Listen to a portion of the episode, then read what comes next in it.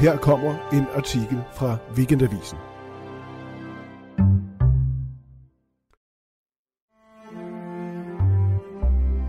I dette øjeblik er tusinder af små og store træer ved at blive fældet på Himmelbjerget. Man gør det for at rense og skærpe bjergets profil. Mit navn er Pernille Stensgaard. Jeg har netop besteget selv samme bjerg sammen med manden bag motorsaven, og på vej op og ned spekuleret over, hvordan man bedst indretter det eneste sublime bjerg i landet. Min reportage hedder Barndomsbjerget. Den kommer her. K2 er et livsfarligt snedækket bjerg i Asien. Verdens næsthøjeste, men det sværeste at bestige. Alene i kraft af sit navn må Himmelbjerget være K1, The Sky Mountain. Janteloven var fuldkommen glemt, da det fik sit smukke, højt ravende navn. På en lammende kold februardag mødes vi for dets fod. Alle veje til toppen er isglatte, men vi må derop, for noget nyt skal til at ske – en ommøblering er i gang efter årlange slagsmål om, hvordan man bedst indretter et bjerg. Puristisk eller opulent, til anstrengelse eller malighed, dvælen eller underholdning. Landskabsarkitekt Anders Busse Nielsens hvide kajak er trukket lidt op på land. Han er rodet tværs over Julesø og står nu i praktisk olivengrønt tøj og en stak plastlaminerede illustrationer under armen. Høj skov og stillhed omgiver os. Vi tager den længste vej op, den rigtige, og møder ikke en sjæl, ser kun spor i sneen efter en tidlig vandrer. Der findes tre slags mennesker i denne verden, skriver den norske forfatter Roger Peel i sin bog Kunsten at bestige Himmelbjerget. De, der aldrig har været på Himmelbjerget, de, der har været på Himmelbjerget, og de, der har besteget Himmelbjerget. Vi hører til den sidste og mindste gruppe, ligesom Pil. De andre, skriver han, har beslendret eller bedasket Himmelbjerget ved at bevæge sig fra parkeringspladsen på toppen hen til tårnet. Det er fastfood-udgaven. Skanderborg Kommunens første og anden moderniseringsplan rejser spørgsmålet om, hvad et bjerg skal kunne, men handler på et dybere plan om, hvem danskerne er, og hvordan de vil stå i forhold til naturen. Vi kravler over en snedækket træstamme på tværs af stien langs søen. Anders Busse Nielsen er skovrejsningsmand i Naturstyrelsens Søhøjlandet og forhenværende professor ved Københavns Universitet og Sveriges Landbrugsuniversitet. For fem år siden sagde han begge professorater op, fordi han var kommet for langt væk fra de virkelige landskaber uden for vinduet, som det vi snegler os op af i nu. Her er hans opgave ikke at rejse, men at fælde skov. Nu begynder fældningen af gammel fredskov helt op på toppen, så bjerget kommer til at ligne sig selv lidt mere, som det så ud, da det blev opdaget af romantiske digtere og malere i første halvdel af 1800-tallet. Citat. Vi bærer rundt på et mentalt billede af himmelbjerget som nøgent, stort og tydeligt, at det rager op mod himlen, men det er ved at blive væk under en dyne af skov, siger han. Udsigten til bjerget fra det omgivende landskab er groet til, så det virker lavere og skjult. I en grafisk rapport sammenligner Anders Busse Nielsen otte udsigter før og nu. Han bruger gamle og nye fotografier, optegner horisontlinjer og konkluderer, at udsigten var anderledes i begyndelsen af 1900-tallet og op i 1930'erne, da vegetationen stadig var spredt og sparsom. Man kunne se bjergets form, og toppen var også horisontlinjens højdepunkt. I skrivende stund er motorsavene i gang deroppe. Bjergets profil renses og skærpes. Se, siger han og breder plancher ud på sneen. På det nye foto ligner tårnet bare en høj græn, der stikker lidt op over de andre. Citat slut. Af de planer og idéer, der er fremlagt for det nye bjerg, er fældningen den eneste, der hidtil har overlevet – og nu fuldføres så blidt som muligt. Citat. Det er altid lidt voldsomt med maskinlarm og brag, men vi har gode intentioner og gør det med dyb respekt for stedet, siger han. For at mildne situationen foregår fældningen i selskab med inviterede trækunstnere, der skærer skulpturer i nogle af de efterladte stube. Jeg håber ikke, de figurer skal blive stående længe, indventer deres udsendte på flydende puristisk. Nej, svarer han, ikke længe. men han synes, at skulpturerne tilføjer noget omsorgsfuldt, æstetisk, måske ligefrem poetisk i overgangsperioden mellem det nye og det folk plejer at se deroppe. Alle har en mening om det bjerg, vores bjerg. I virkeligheden er vi på vej op af flere forskellige bjerge, afhængig af, hvem man selv er. Himmelbjerget er barndomsbjerget for mig, og tusinder andre forhenværende skolebørn, ligesom Bornholm er lejerskoleøen, selvom den ikke længere vil være det. Jeg kender ikke ret mange voksne, især ældre, halvgamle og gamle, der ikke har været her. Himmelbjerget er fra før verden åbnede sig billigt, og det blev hver mands eje at rejse til Angkor Wat. I min familie taler vi stadig om onkel Erland, der som dreng løb skrigende ned ad bjerget, ude af stand til at stanse. Han løb løbsk. Det er sådan en historie, børn aldrig glemmer. På udflugt med madpakke og penge til en souvenir, var hele vores opmærksomhed rettet mod hinanden og de kulørte, tungt belæssede kiosker på toppen. Vi gad ikke gå tur. Først som voksen opdager man trækket fra det store, rige landskab til alle sider. I dag er det klart og blændende vejr. Alpint. Vi er ude af skoven og på sidste stejle stigning i et åbent landskab. Herfra kan man se toppen og tårnet stå frit med himlen som baggrund, sådan som Anders Busse Nielsen, Naturstyrelsen og tårnkomiteen, der driver bjerget, vil have det. Øvelsen er at fælde nok, og så ikke mere, siger han, bevidst om folks ømhed for gamle træer. Vi fælder halvanden hektar store og små træer, så man kan se tårnet knejse øverst. Det betagende for guldaldermalerne var udsigten til Himmelbjerget. Fra lang afstand, for foden af, tæt på. Mange mennesker kommer herop, men endnu flere betragter det udefra. Citat slut. Nu er vi oppe. Her er mennesker og en græsplæne, en parkeringsplads, et aflåst tårn og et toilet uden papir, en håndfuld kiosker og souvenirboder og Hotel Himmelbjerget med knækkede nedløbsrør, algevækst, spirende træer i tagranden og brædder for vinduerne på bagsiden mod landets smukkeste udsigt over søerne dybt nede, gennemstrømmet og forbundet af Gudenåen. Hele det magtfulde landskab, vi er kommet for. Bjerget er blevet så nemt, indtaget af biler.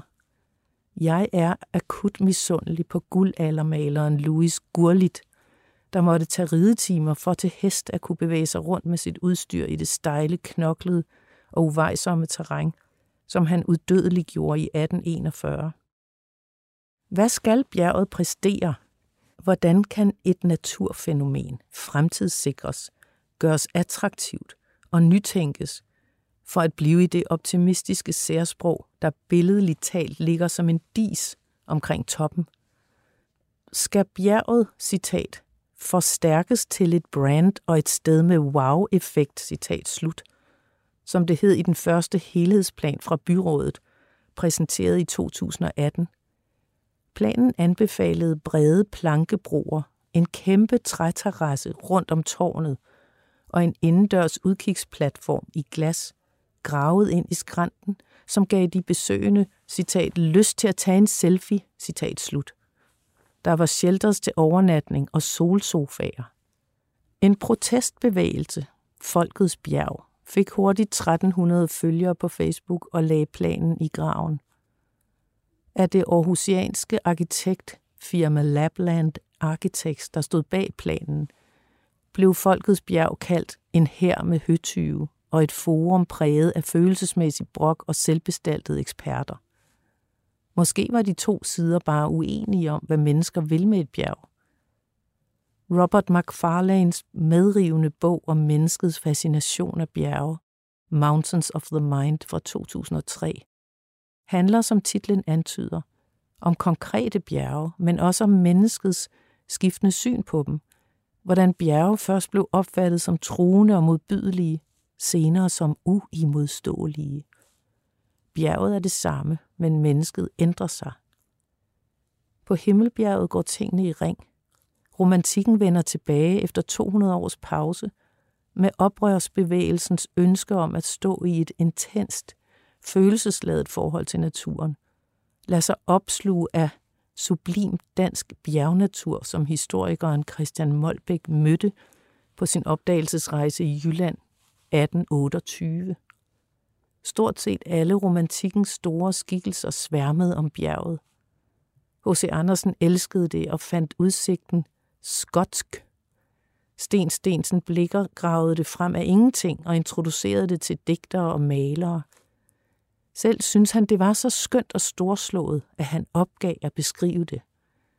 Min pen er ingen pensel. Rejs, rejs selv til Himmelbjerget og se, skrev han. Romantikere drog til Jyllands hjerte for at opleve noget vildt og fjernt, noget storslået, uvejsomt og øde. De ville have det samme som H.C. Andersen, højland og skovensomhed. På samme måde som kritikerne af Skanderborgs udviklingsplaner vil have et uforstyrret og underformidlet bjerg, der giver besøgende lov til at dyrke sansningen af stedet, opleve det selv i stedet for at få anvist en selfie-terrasse med udsigt. For puristerne er bjerget allerede sublimt. Naturen har ikke brug for at blive udviklet eller bearbejdet, men at blive ladt i fred. De vil overgive sig til det, ikke undertvinge det.